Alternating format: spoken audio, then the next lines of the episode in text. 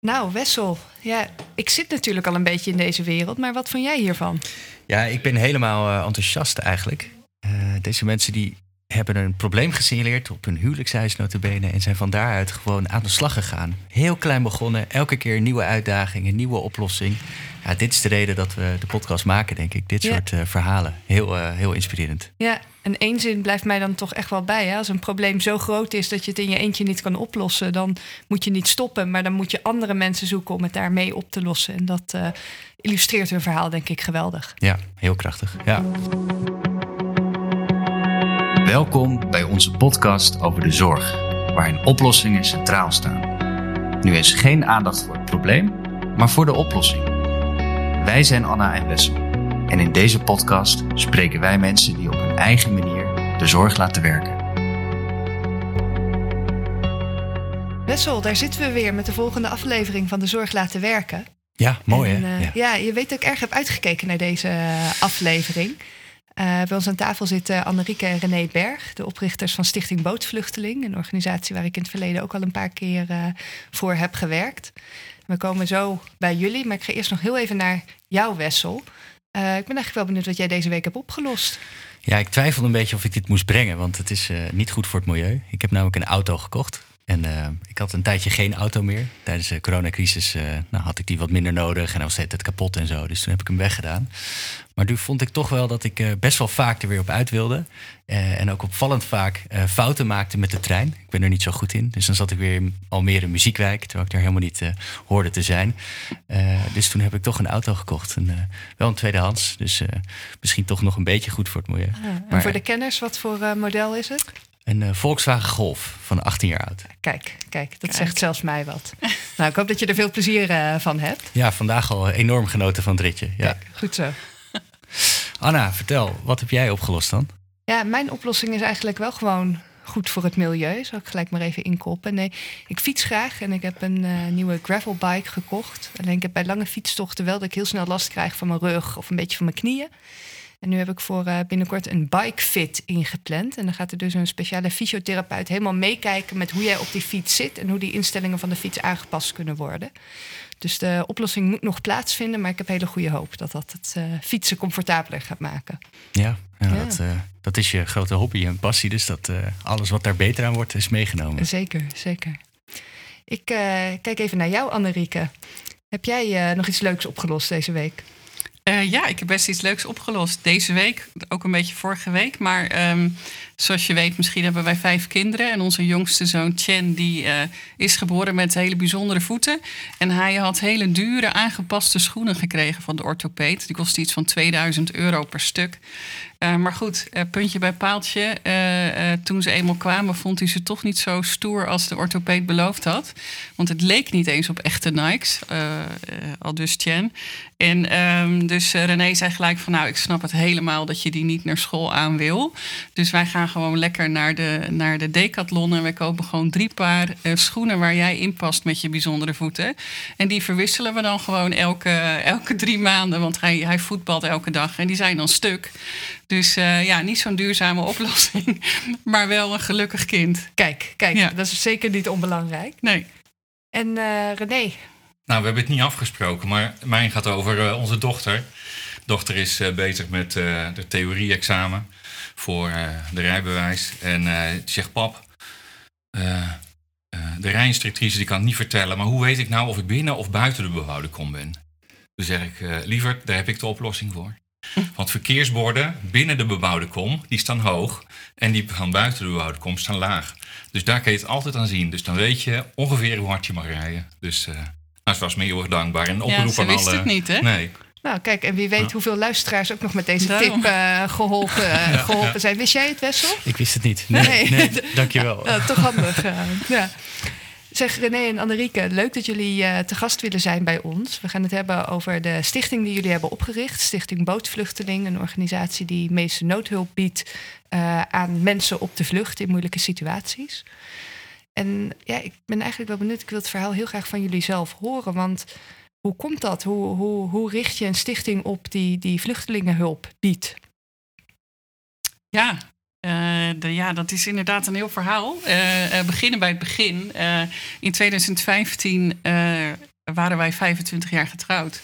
En had René een eh, romantisch reisje naar Malta geboekt eh, in juni. eh, rondom onze trouwdag. En ehm, nou ja, vervolgens in de voorbereidingen daar naartoe eh, eh, kwam de, de vluchtelingencrisis vol in, in het nieuws in Nederland. Op dat moment eh, ging, vergingen er dagelijks schepen in de Middellandse Zee met, eh, vol met vluchtelingen. En ik eh, las dat in de krant en ik werd daar zo intens door geraakt, zo verdrietig. Dat dat gebeurde en dat, da- dat er eigenlijk niks aan gedaan werd. Waar was de massale verontwaardiging? Er ging geen golf door de wereld van wat een onrecht. En dit laten we toch niet gebeuren in Europa. Ehm, dus nou ja, wij hadden het daarover. En toen dachten we, ja, oké, dan gaan we straks naar Malta. Liggen we daar met onze coolbox en onze parasol op het strand. En daar lagen letterlijk de lijken op het strand. Want we hadden gegoogeld waar we heen gingen. En ehm, ja, we zagen echt foto's Mhm. van, van eh, roodgebakken Engelsen... die daar, nou ja, 100 meter verderop lagen de lijkenzakken op het strand. Zij dachten, ja, dat, dat is zo niet integer om daar dan als toerist op het strand te gaan zitten. Daar willen wij iets aan doen. Ja, en wat kan je dan doen? Eh, eh, als Nederlander steek je dan de, ja, je hand uit je mouwen en ga je spullen inzamelen. En zo zijn we eigenlijk ook begonnen door te zeggen van nou, eh, wat is daar nodig? Je had contact met mensen uit van Malta. En we zijn eigenlijk gewoon aan de gang gegaan. Een Facebookgroep opgericht en kom maar op met je spullen. Dus als Ja. ik het goed begrijp, dat 25-jarig jubileum hebben jullie wel, nou ja, gevierd is misschien niet het goede woord, maar jullie zijn daarvoor wel naar Malta geweest, maar hebben daar een hele andere invulling aan gegeven dan vakantie vieren. Ja, klopt. Klopt. In die, Ja. in die twee maanden vooruitgaand aan dat eh, bezoek hebben we dus eh, een inzamelingsactie gestart. En uiteindelijk eh, eh, gelijk met ons aangekomen twee zeecontainers met eh, hulpgoederen. Die we daar eh, persoonlijk hebben afge- afgeleverd eh, bij het eh, vluchtelingenkamp daar. Ja. Ja. Ja, en we hebben tijdens onze vakantie dus niet zozeer eh, toerist gespeeld als wel eh, ge- geholpen in het vluchtelingenkamp, waar daar dus dagelijks mensen ja, nat aangespoeld eh, op het strand aankwamen en we hen van droge kleren eten en dat soort dingen. Ja. ja. Dus het begon eigenlijk heel praktisch vanuit, hè, bijna, ik weet niet of ik het verontwaardiging moet noemen, maar hè, jouw, jouw reactie op wat je Ja. zag en de hele pragmatische hulp die jullie boden. En vrij snel daarna zijn jullie toch gaan uitbouwen en uiteindelijk op het Griekse eiland Lesbos verder gegaan. Hoe, wat, wat is daar tussenin gebeurd? Ja, klopt. Ehm, we hadden dus ingezameld, maar er waren ook mensen die geen eh, babydoekjes of luiers kwamen brengen. Maar die zeiden van, joh, wat is jullie rekeningnummer? En eh, ja, daar hadden we natuurlijk wel privé, maar dat wilden we niet, want daar stond dan geld op. En eh, dat was niet van ons eigenlijk. Dus we zeiden nou, hoe lossen we dat nou op? En eh, toen fluisterde iemand ons in van, ja, dan moet je eigenlijk een stichting oprichten en dan kan je een rekening eh, openen. En eh, eigenlijk zo gezegd, zo gedaan, want dat was de enigste manier om een rekening te openen. Dus dat hebben we in hele korte tijd gedaan met hulp van, van anderen om ons heen. En toen konden we het geld wat ingezameld was daarop storten. Maar de zeecontainers waren weg. En wat moesten we toen? We hadden dus geld op onze rekening, maar vervolgens wisten we eigenlijk niet zo goed wat we moesten. En toen kwamen we eigenlijk eh, in contact met eh, iemand die vertelde: je moet eens kijken op Lesbos, want daar is het even zo erg. Ja, en toen kwamen we inderdaad contact met deze mensen die op dat moment op Lesbos waren. Eh, eh, ja, Lesbos in 2015 echt het, het toppunt van de vluchtelingencrisis. Waar toen per dag zo'n 15.000 mensen op het eiland aankwamen. Nou, dat is je niet voor te stellen.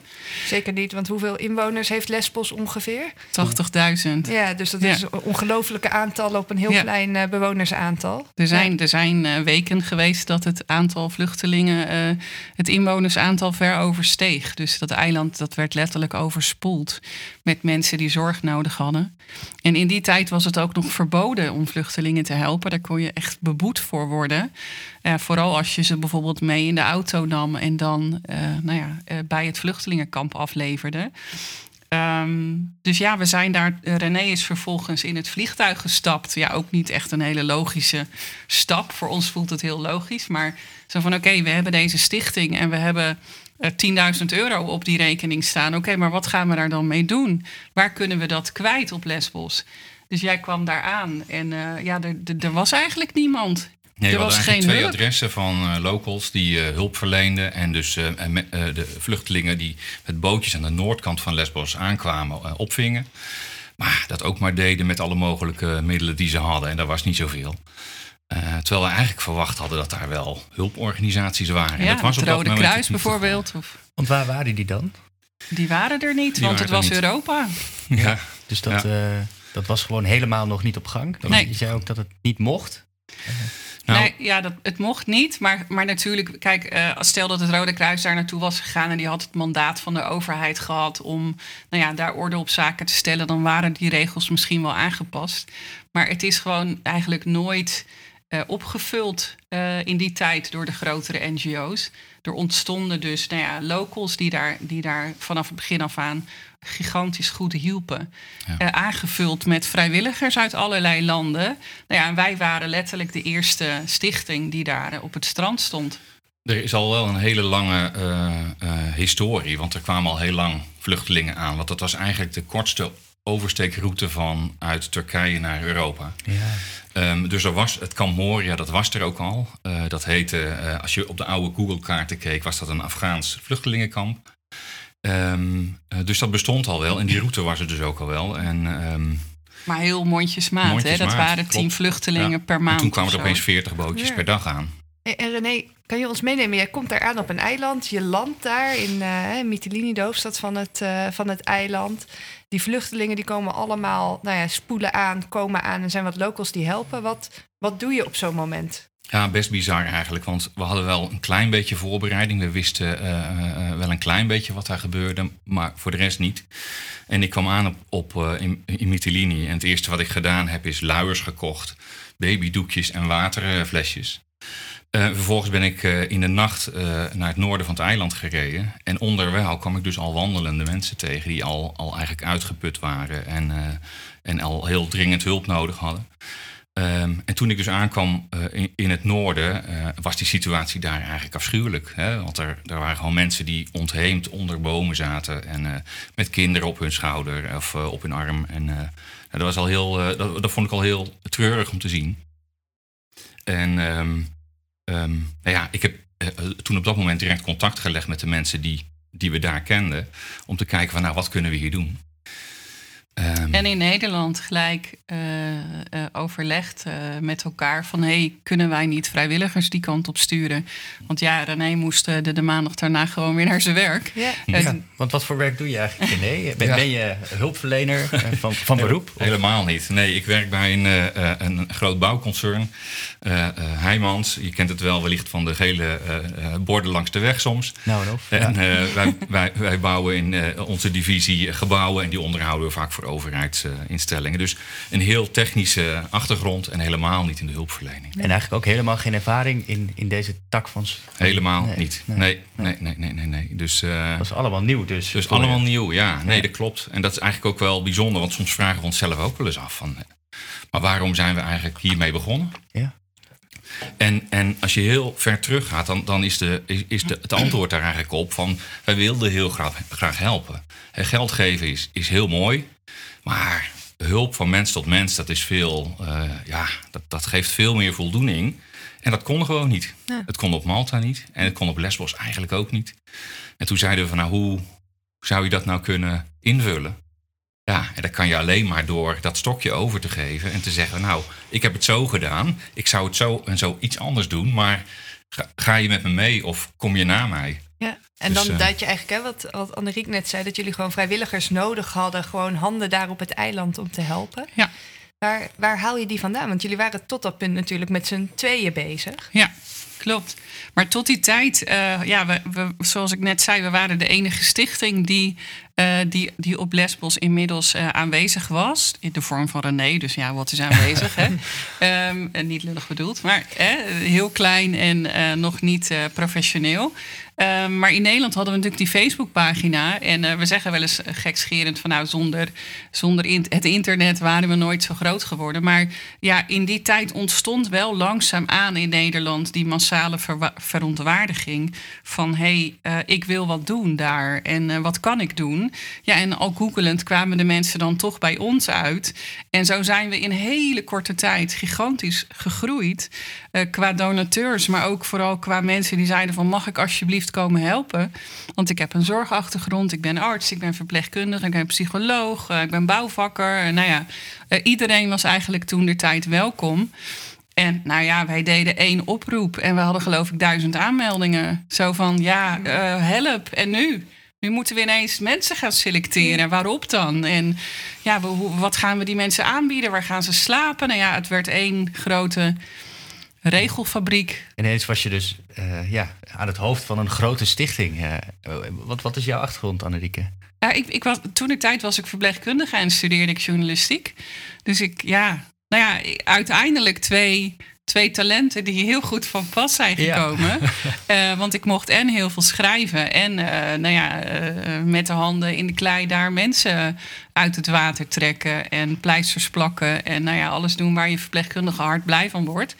Um, dus dat, dat kwam goed van pas. Maar nooit de ambitie gehad om, om een stichting te leiden of een opleiding tot, tot manager gevolgd. Of, hoe denk je dat het komt dat jullie uh, dat zij gaan doen? Want er zijn meer mensen in die tijd geweest die met die verontwaardiging rondliepen en dat onrustige gevoel, ik wil iets doen. Wat maakt jullie dat dat uh, ook echt in acties is omgezet? Hebben jullie daar een antwoord op? Nou, we zijn sowieso mensen die heel slecht tegen onrecht kunnen. Um, we zijn heel avontuurlijk. We hebben vijf kinderen, waarvan drie geadopteerd. Dus we, we vonden het altijd al heel logisch, zeg maar, om, om voor anderen klaar te staan. En om, nou ja, we hadden altijd het idee van kinderen hoef je niet per se zelf te krijgen. Maar er zijn ook genoeg kinderen die ouders nodig hebben. Dus, dus in die zin leiden, uh, leiden we al niet een heel uh, logisch leven, zeg maar.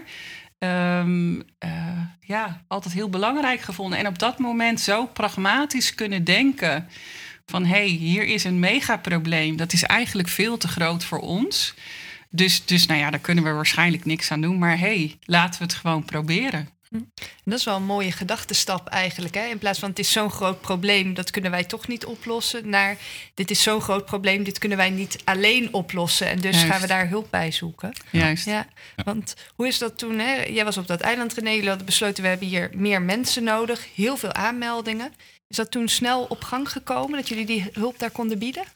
Nou, dat is eigenlijk direct, direct opgelost eigenlijk. Want mensen die uh, zich aanmelden konden eigenlijk direct dat stokje van mij overnemen. Dus ik vloog op een bepaald moment terug en ik wist al dat er twee mensen weer heen gingen.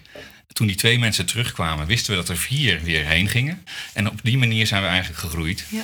Um, um, en, en jij zei net heel even iets van ja, zo'n grote stichting. Maar dat was het in het begin natuurlijk niet. Het nee. waren echt uh, twee mensen. Um, uh, we, uiteindelijk hebben we iemand gevonden die vrijwillig wilde coördineren. En bijvoorbeeld de Facebook mailbox uh, wilde legen. Want ja, dat ging dag en nacht door. Och, man. En langzamerhand, langzamerhand groeide dat en groeide dat. En uh, wat we nu natuurlijk met psychosociaal en medisch doen, dat was natuurlijk toen eigenlijk niet. Want het was eigenlijk mensen uit het water halen. En, uh, afdrogen. Uh, afdrogen, warme kleding geven. En, Boterham met pindakaas. En wat basisbenodigdheden geven. Um, en pas later ontstond eigenlijk uh, de medische behoefte. Want we zagen ook mensen met grote schrammen en open benen binnenkomen. Um, en zo is dat eigenlijk gegroeid. Ja. En kan je, want dan gaan we even een beetje fast forward hè, naar mm-hmm. dit begin waar je, wat je zegt, letterlijk mensen aan het afdrogen die de zee uitkomen, water, de eerste levensbehoeften. Kan je schetsen hoe de hulp die jullie op dit moment bieden op Lesbos er nu uitziet? Uh, vijf, zes, zeven jaar nadat jullie zijn begonnen. Ja, dat, uh, dat kan. Uh, inmiddels zijn we dus nou ja, als organisatie flink groter gegroeid. een, een vaste medewerkersgroep in dienst. En geven we op Lesbos medische en psychosociale zorg. dat doen we in het kamp Mavruvuni, wat is ontstaan na de brand in Moria. een nieuw kamp uh, daar werken artsen en verpleegkundigen in onze uh, mobiele kliniek. Daar zien ze dagelijks een wisselend aantal uh, patiënten. En um, daarnaast geven we allerlei trainingen en workshops. En ehm, op die manier proberen we mensen ook psychisch te ondersteunen, ook door middel van consulten.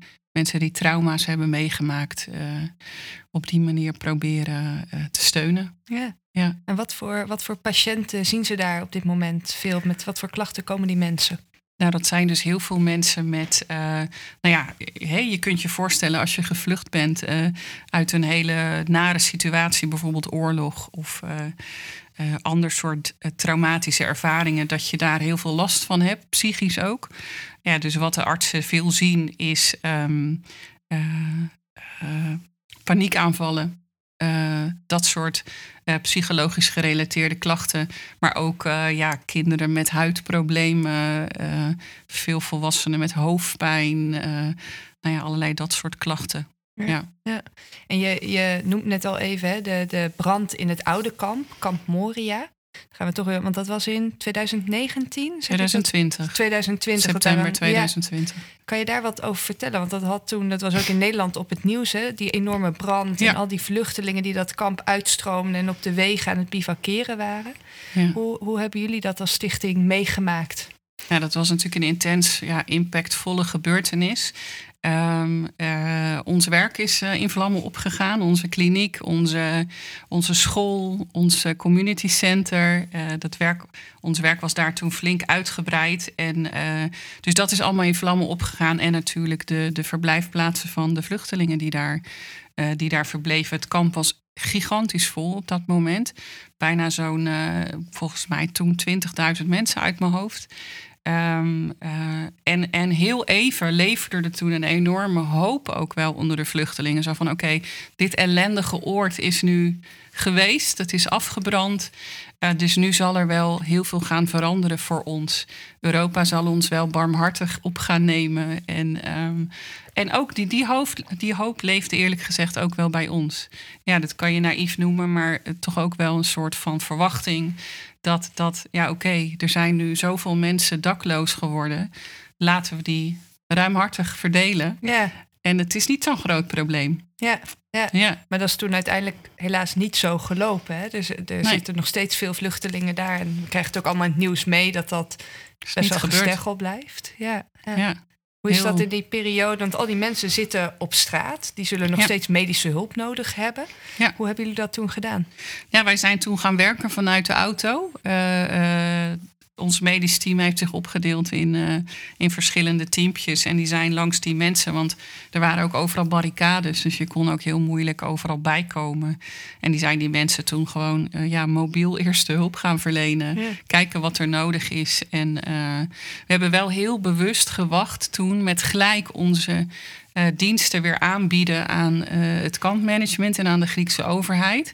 Omdat we echt heel graag wilden en hoopten dat, dat, dat nou ja, niet weer al die NGO's in dat gat zouden springen. Wat Griekenland daar natuurlijk wel had liggen. Uh, maar ja, hen de tijd geven om het zelf op te lossen en om het structureel op te lossen. Want ja, we zeggen altijd: uh, de vlag kan uit als wij niet meer nodig zijn. Maar dat menen we ook echt. Het is niet zo dat wij dit in stand willen houden om om, zodat wij daar iets kunnen doen. Dat is natuurlijk helemaal niet het doel van de stichting. Nee. En met de grote NGO's bedoel je dan? Nou, dat, dat, dat, nou ja, hè, dat zodra grote NGO's daar inspringen in dat gat, zoals het Rode Kruis of, uh, Artsen zonder of Artsen zonder Grenzen, ja. of uh, ja, dan, dan is dat opgelost voor de Griekse overheid. En dan, dan, dan is het weer het probleem van Griekenland weer alleen geworden en niet het gezamenlijke probleem wat je zou willen dat het was. Kan je, kan je wat meer vertellen over die samenwerking met de Griekse overheid? Want Griekenland heeft natuurlijk ook enorm te verduren gehad qua alle vluchtelingen die door de geografische ligging daar aankwamen. Ja. Um, heeft zich wellicht ook erg in de steek gevoeld, uh, gelaten door, door de rest van Europa. Hoe is dat dan om als Nederlandse stichting met een Griekse overheid en een Grieks kampmanagement te moeten samenwerken? Gaat dat een beetje soepel? Ja, zo, soepel zou ik het niet willen noemen. Maar um, ja, het is, het is continu schipperen met, met wat zeg je wel, wat zeg je niet, hoe brutaal zijn we, welke grenzen durven we wel of niet over te gaan. Want er is altijd zo'n dreigement op de achtergrond van ja, als je je niet aan de regels houdt, dan zetten we je uit het kamp. Of dan, nou ja, dan, dan wordt jullie vergunning ingetrokken. Of uh, we zijn ook al jaren bezig om geregistreerd te raken in Griekenland. Dus dat speelt ook altijd op de achtergrond mee. En ja, het is heel erg balanceren tussen, uh, tussen je mond open trekken van jullie moeten het beter doen. En tegelijkertijd natuurlijk ook het besef dat zij ook moeten roeien met de riemen die ze hebben. En ehm, ja, dat ze in Griekenland ook eh, deels met een toch wel redelijk corrupte overheid hebben te dealen. Uh, waardoor Europese gelden niet altijd op de plekken aankomen waar het uh, moet aankomen. Uh, en dan sta je dus altijd weer in dubio. Oké, gaan wij dit nu oplossen voor Europa? Of zeggen we nu nee, jongens, nu is het echt jullie beurt? Ja. Me een continu spanningsveld, hè? hoeveel hulp je geeft en hoeveel je toch hoopt dat er vanuit andere partijen Klopt. komt. Ja, dus vandaar dat we dus na die brand heel bewust twee maanden gewacht hebben voordat we zeiden van hé, hey, oké, wij willen wel in dat nieuwe kamp gaan werken. Ja. Want toen dachten we, ja, dit is dus weer zo'n zo'n labmiddel. Ja. Laten we het nou alsjeblieft structureel op gaan lossen. Maar dat, uh, dat was helaas niet. Uh... Hoe denk je dat het komt dat we uh, als overheden en grotere instellingen, de NGO's noem je ze, zo afwachtend zijn? Wat, wat zit daarachter? Ja, ik denk toch, toch een soort van angst dat het ook hun probleem wordt. Terwijl hè, nu, nu met de Oekraïne en alle mensen die daarvan, daar vandaan uh, naar Nederland komen, ja, blijkt dat het eigenlijk helemaal niet zo ingewikkeld is om zoveel mensen een huis te bieden. En, en er zijn zelfs mensen die hun eigen huis openzetten. Dus waarom had dat in 2015 niet gekund? Hè? Ik heb toen wel eens gehoord dat ze het niet te aantrekkelijk wilden maken. Ja, Dus, eh, hebben dat die, hebben wij eh, ook gehoord natuurlijk, ja. En een vluchtelingenkamp, maar vooral inderdaad heel Spartaans houden. Want stel je voor dat het een aanzuigende werking heeft.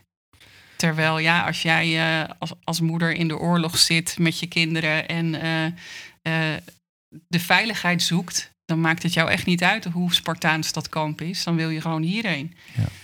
Je noemde net even de Oekraïne. Ehm, jullie hebben een vluchtelingencrisis van heel dichtbij gezien en toen daar wat aan gedaan. Eh, nu is er een nieuwe vluchtelingencrisis. Eh, hoe hebben jullie daarnaar gekeken? Ja, eigenlijk met hetzelfde pragmatisme als wat we in 2015 hadden en wat we daarna bij. We hebben, we hebben natuurlijk in die tijd nog meer missies gehad. Uh, niet alleen op Lesbos, maar um, ja, er is daar een gigantisch probleem. Wij hebben mensen die ergens heel goed in zijn. Want ook in, de, in deze crisis boden zich weer nou ja, massaal vrijwilligers aan bij ons. Die zeiden: hé, hey, maar wij willen daar aan de slag als arts of als verpleegkundige. Nou, dat gaan we regelen uiteraard eerst een assessment gedaan, want daar hebben we wel van geleerd. in 2015 zijn we gewoon maar gegaan en ter plekke gekeken wat er nodig was. Nu zijn we, hebben we echt uh, een team voor uitgestuurd en nou ja, alle landen bezocht waar, uh, waar de impact van de Oekraïne-oorlog grote gevolgen had. En um, echt gekeken naar, oké, okay, wat kunnen wij hier betekenen voor deze mensen? Dus niet van, wij kunnen een kunstje, dat komen we bij jullie doen. Maar echt vraaggerichte zorg bieden. Uh, hoe het een, een, nette NGO betaamt, zeg maar. Ja, ja want langzaamaan schuiven jullie een beetje op naar het zijn van een NGO. Hè? De professionaliteit die jullie nu uh, tentoonspreiden. En de, ja, ik vertelde net even, ruim 4000 medewerkers die jullie al... Uh, vrijwilligers. Vrijwilligers. Ja sorry, vrijwilligers die ja. jullie hebben gehad. Ja. Um, hoe voorkom je dat je dan net zo stroperig en ellendig soms wordt als een uh, grote NGO? Ja, dat is echt, dat is echt mijn nummer één uitdaging uh, de laatste jaren. En naarmate we groeien, word je bureaucratischer. En als er iets is waar ik een hekel aan heb, dan is het bureaucratie. Um, ik ben echt iemand van het minimale doen om het maximale te bereiken. Dus als iemand bij mij komt met een, uh, nou ja, ik vraag iemand om een risicoanalyse te maken, die is tien pagina's. Dan zeg ik, nou dat had ook prima op één pagina gekund, want ik ga dat niet lezen. Dus dat moet korter en dat moet pragmatischer. Want als we op die manier blijven werken, dan kunnen wij nooit zeg maar, ons, ons BRF-DNA, wat we, wat we al die jaren hebben vastgehouden van er is nood, volgende week helpen wij daar als je mensen in dienst neemt die dat niet begrijpen, dus die graag nou ja, dikke beleidsplannen schrijven en strategieën, lange termijn strategieën uitstippelen, ja, dan, dan werkt dat niet. Dan kan je niet meer die hulp blijven bieden op de manier waarop wij dat doen. Dus ja, ja, dat is een beetje de uitdaging de laatste tijd. Ja, want er zit natuurlijk ook, hè, wat, we, wat we net hoorden, het begon met jullie tweeën en toen vrijwilligers en iemand die de Facebookpagina ging bijhouden. Maar inmiddels hebben jullie gewoon, jullie hebben een hoofdkantoor, jullie hebben medewerkers. Ja. Hoe, hoe ziet de organisatie er nu uit, zeven jaar later? Ja, we hebben inderdaad een hoofd, ons hoofdkantoor in Ede, waar, uh, zo, waar 14 vaste medewerkers werken, parttime, fulltime, uh, wisselende, wisselende contracten. En we hebben nou ja, op Lesbos een team zitten van vijf betaalde medewerkers. Ehm, eh, in Oost-Europa inmiddels, in Polen, in Moldavië, twee teams van mensen waar ook weer medewerkers in dienst zijn. Uh, en daarnaast natuurlijk enorm veel vrijwilligers. En dat vrijwilligersmanagement, dat is echt wat op het hoofdkantoor plaatsvindt. De voorbereiding, de, de nazorg, die, die we ook heel belangrijk vinden. Um, ja, en daarnaast, er moeten ook gewoon rekeningen betaald. Dus er zit iemand op financiën, er zit iemand op communicatie. Twee mensen inmiddels die alle socials uh, schrijven en in de gaten houden. Uh, ja, er is een office manager. Ja, allemaal. We zijn echt een kantoor geworden. En, en jullie eigen rol, hoe is dat uh, verder gegaan? Ik was uh, in het begin natuurlijk heel erg, uh, ik zeg altijd wel eens meewerkend voorman. Hè? En ik vind het nog steeds leuk om als er een auto of een boot gekocht moet worden, om daar energie in te steken. Uh, dus dat doe ik dan ook met heel veel plezier. Um, maar langzamerhand is mijn rol wel iets naar de achtergrond ge gegaan. Um, um, we zijn, ik heb ook altijd in het bestuur gezeten met drie mensen. Maar we kwamen er eigenlijk achter dat we in het afgelopen jaar, dat we als bestuur uh, niet echt aan het stuur zaten. En dat uh, Annerieke degene was die eigenlijk de koers bepaalde. En het beste was om haar ook aan dat stuur te laten zitten. Dus zodoende zijn we de transitie uh, begonnen met, om te groeien naar een raad van toezicht. en dat doe ik nu. Ja, dat is. Ja. ja. Ja. En jij werkt gewoon fulltime? Ik werk uh, fulltime uh, elders, ja. ja. Uh, dus het is vaak avonden en weekenden. Ja. En af en toe hebben we natuurlijk aan de keukentafel nog steeds de afstemming over hoe dingen gaan. Ja. Wat heeft het met jullie gedaan eigenlijk? Wat heeft het jullie gebracht als, als, als mensen dat jullie hier zeven jaar ja, van je leven met volle aandacht aan hebben gewerkt? Nou, allereerst heel veel grijze haren en klotsende oksels, gierende hartklep. Ja. het heeft ons wel wat gekost in die zin dat, dat, ja, dat, dat altijd maar bereikbaar zijn. En uh, uh, zoveel stress uh, hebben, dat doet ook wel iets met je, zeg maar. Het is niet een baan die, die ik twintig jaar zou kunnen volhouden, denk ik.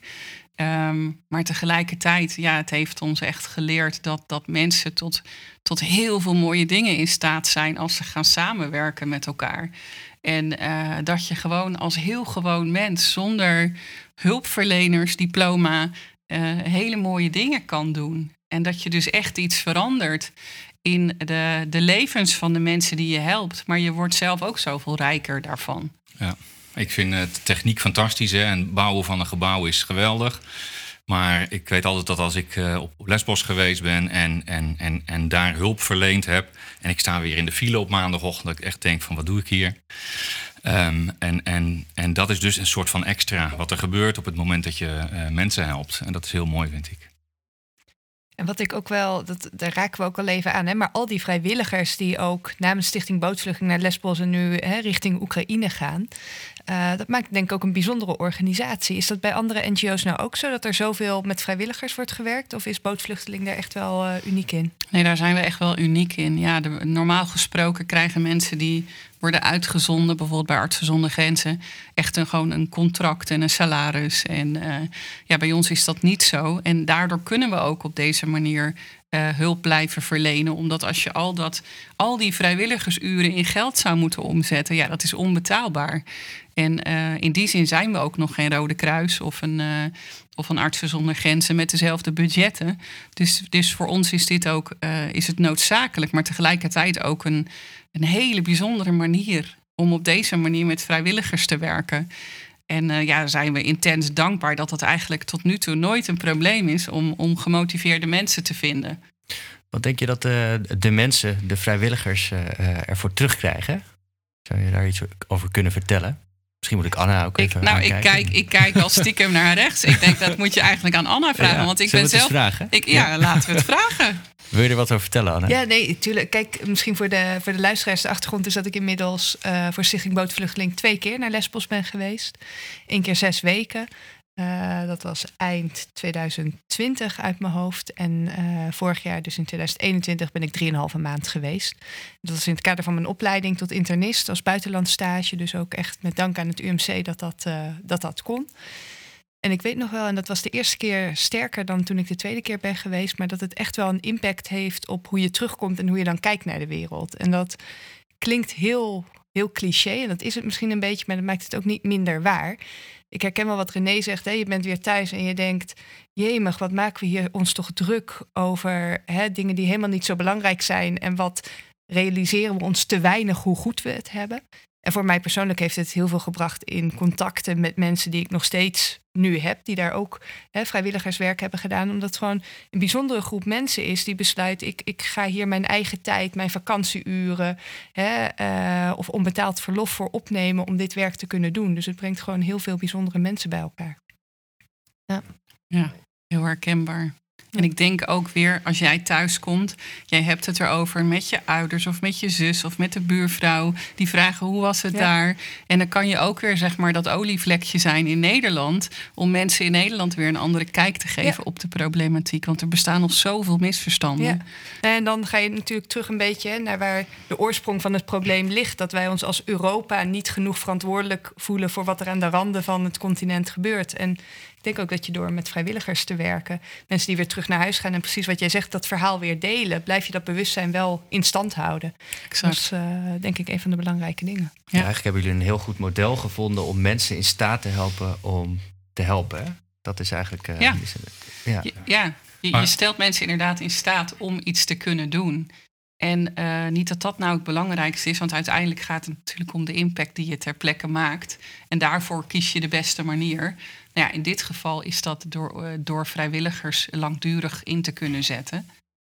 Nee, maar ik blijf me ook altijd verbazen over het feit dat mensen dan zo twee, drie of soms langer maanden weggaan van huis, uh, kinderen, vrouw, man verlaten en dan vervolgens hulp gaan geven. En zonder daar iets voor terug te vragen. En we denken soms wel dat de wereld om geld draait. Maar dat is echt niet zo. Nee. En dat zie je op dat soort momenten. Ja, dat zie je echt. Wat, waar ik nog wel nieuwsgierig naar ben, hè? Hoe, hoe zien jullie de toekomst van Stichting Bootvluchteling voor? Want één, dat lijkt me een heel praktisch ding, maar nu jullie rond Oekraïne bezig zijn, heeft het weinig met boten te maken. Wat, uh, ja. We hebben onze bestikkering voor de, de, de, de truck naar Oekraïne ook al aangepast. In, uh, in Griekenland wordt er natuurlijk al heel veel uh, alleen gesproken over BRF als Boat Refugee Foundation afkorting. Ja. En dat wordt eigenlijk buiten de Nederlandse grens altijd gebruikt. Dus ik, ik vermoed dat het die richting op zal gaan. Ja, ja, want boot, dat kunnen we niet echt meer waarmaken. We vragen het ook niet aan mensen hoor. Heeft u op een boot gezeten? Nee. Anders, anders geven we u geen hulp. Ja. Nee, dat, uh, die naam die zal waarschijnlijk wel een keer aangepast gaan worden. Als je ehm, zoiets als jullie uh, oplost, of probeert op te lossen, dan ontstaan er ook altijd weer nieuwe problemen. We hebben er een aantal gehoord. Maar wat is eigenlijk op dit moment jullie grootste uitdaging? Ja, ik heb het inderdaad al eventjes gehad over die bureaucratie. Maar het is echt op dit moment onze allergrootste uitdaging om geen NGO te worden. En ik besef me dat we dat al zijn. Hè, want we doen soms best te bescheiden over wat we doen. En we zijn ook al best wel groot gegroeid. En we hebben nu al een aantal projecten, veel mensen in dienst. Dus eigenlijk zijn we al een NGO. Maar het, een NGO worden staat, staat voor mij een beetje een symbool voor log en lomp en bureaucratisch worden. En dat is wat ik eigenlijk niet, uh, wat ik niet ambieer voor onze stichting. Ik wil dat we uniek en bijzonder blijven zoals we begonnen zijn. Aan het begin van ons bestaan uh, weet ik nog heel goed dat we op de zee voeren uh, tussen Lesbos en Turkije om, om mensen te redden die in het water gekomen waren. En op een bepaald moment toen zagen we de stroom van vluchtelingen ver veranderen van de noordkant naar de oostkant. En toen zeiden we, nou, dan gaan we morgen aan de oostkant. Maar we gingen samen met een partij die ook op, op, op een boot, een, een grote NGO. Grote club. En die zei van, joh, maar dat kunnen wij niet doen morgen. Want wij moeten eerst een risicoanalyse doen. En dan moeten we met de, met de boord overleggen. Ik denk dat we zes weken verder zijn voordat dat mag. Nou, daarvan hebben wij zoiets, dat willen we echt niet. Nee, nee dat is wel een goed voorbeeld. Want, want sommige luisteraars zullen denken, een NGO, die doen toch ook goed werk. En dat is ook mooi. Maar, maar, je bedoelt die, die slagkracht, die wendbaarheid, dat pragmatisme, dat willen je niet verliezen. Ja. Juist. Maar wel met behoud van veiligheid voor je, voor je mensen. Altijd. Want dat is uh, essentieel. Geen onverantwoordelijke risico's nemen. Maar wel met dat inderdaad die slagkracht en dat pragmatisme. Uh, dat wat we graag willen behouden. En, en, heel concreet, want dat lijkt me zo ontzettend lastig. Hè? Op het moment dat je meer projecten gaat doen, je moet het toch ook coördineren, ook de financiële stromen. Hoe doe je dat? Hoe voorkom je dan dat je toch wat logger wordt als organisatie? Nou ja, helemaal voorkomen kunnen we het denk ik niet, omdat er toch, hoe groter je wordt, bepaalde processen en protocollen hè, in werking uh, uh, moeten komen. Maar eh, door er alert op te zijn en door bij je, je bij alles af te vragen: doe ik dit omdat het moet? Doe ik dit omdat het hoort? Of doe ik dit omdat het nodig is? En als je die laatste vraag met nee beantwoordt, dan moet je het niet doen. Dan moet je, gewoon, dan moet je dat gewoon gaan doen. En dan moet je geen tijd verspillen met onnodige uh, beleidsplannen en risicoanalyses. Maar dan moet je gewoon het kort en krachtig houden. En de week daarna aan de slag gaan. Ja. Onze kracht was ook altijd, en zo zijn we uh, in onze beleving ook groot geworden, dat de euro die vandaag gegeven werd, morgen uitgegeven kon worden aan hulp. Ja. En dat willen we eigenlijk vasthouden. Dus we willen over, overheid zo klein mogelijk, laag mogelijk houden. En, en dat gevoel van wat er vandaag gegeven wordt, dat wordt morgen elders ingezet. Dat wil je vasthouden rondom Oekraïne is dat volgens mij ook redelijk gelukt. Hè? Je vertelt net, er is wel net een iets wat professioneler team dan alleen René. Niet om afbreuk te doen aan jouw professionaliteit, maar hè, met wat meer achtergrond de boel gaan verkennen. Maar hoeveel tijd hadden jullie nodig om daar de boel op te starten? Uh, vanaf, vanaf het assessment tot aan dat we daadwerkelijk aan het werk zijn gegaan, zat twee weken. Ja. Ja, dus uh, de twee weken waarin we dus een enorme kliniek hebben aangeschaft. En uh, uh, die kant op uh, is gereden met, een, uh, met team 1. Want eigenlijk is daar weer hetzelfde ontstaan als op Lesbos. Team 1, team 2, team 3. Ja. Een soort van estafette van, van, van vrijwilligers.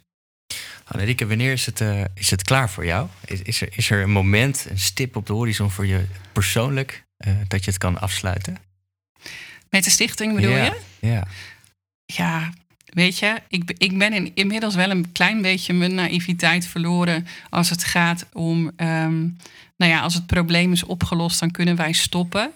Uh, want ik denk niet dat ik nog in mijn leven ga meemaken hoe uh, dit, dit enorme probleem uh, van, de, van de map verdwenen is, zeg maar. Er zullen vluchtelingen blijven. Er zullen altijd vluchtelingen blijven. En ik, ik ben bang dat we ook altijd nodig blijven. Um, dus zolang het nodig is, gaan we door. En uh, of dat nou met mij aan het roer is de komende twintig jaar of met iemand anders, daar, de, nou ja, daar kan ik geen beloftes over doen. Maar het is het, uh, zolang we nodig blijven, zijn we er. Ja. Um, jullie hebben dit nu zo gedaan. Um, wat kunnen jullie mensen die, die, die luisteren meegeven over ja, eigenlijk hoe jullie, hoe jullie van een probleem signaleren naar de oplossing zijn gekomen? Wat, wat voor boodschap hebben jullie voor mensen die dat ook wel zouden willen? Nou, wat mij betreft is dat echt denk nooit te klein over de impact die je kunt maken. Al maak je maar een heel klein stapje, iemand anders zet weer de volgende stap. En uh, je kunt echt groot, grootse dingen doen als je maar durft. En laat je niet tegenhouden door iedereen die zegt dat het niet kan, of dat het niet hoort, of dat het niet mag, of dat het niet volgens de regels is. Gewoon brutaal zijn, het gaan doen. En dan ga je vanzelf wel onderuit als iets niet lukt. Of uh, gewoon doorgaan. Ja. Annerieke, zei, Annerieke zei in de beginperiode altijd van... Uh, we zijn misschien een, drie, een, druppel op de gloeiende plaat... maar je zal maar net onder die druppel staan. En, en dat is het eigenlijk. Ik bedoel, uh, uh, ja. je zal maar net diegene zijn die die hulp nodig heeft en ook krijgt. Hoe klein ook. Ja. Mooi, dank jullie wel. Alsjeblieft. Ja, bedankt voor jullie verhaal en veel Graag succes. Gedaan. Dankjewel. Dit was de aflevering met Annerieke en René Berg van Stichting Bootvluchteling over een oplossing die werkt, omdat Annerieke en René zich niet tegen lieten houden door de enorme omvang van de vluchtelingenproblematiek, maar hulp inriepen van anderen en een oplossing coördineerden. Heb je ook met interesse naar deze aflevering geluisterd? Vergeet deze dan niet te delen in je eigen netwerk en abonneer je vooral op de Zorg Laten Werken om ook volgende afleveringen niet te missen.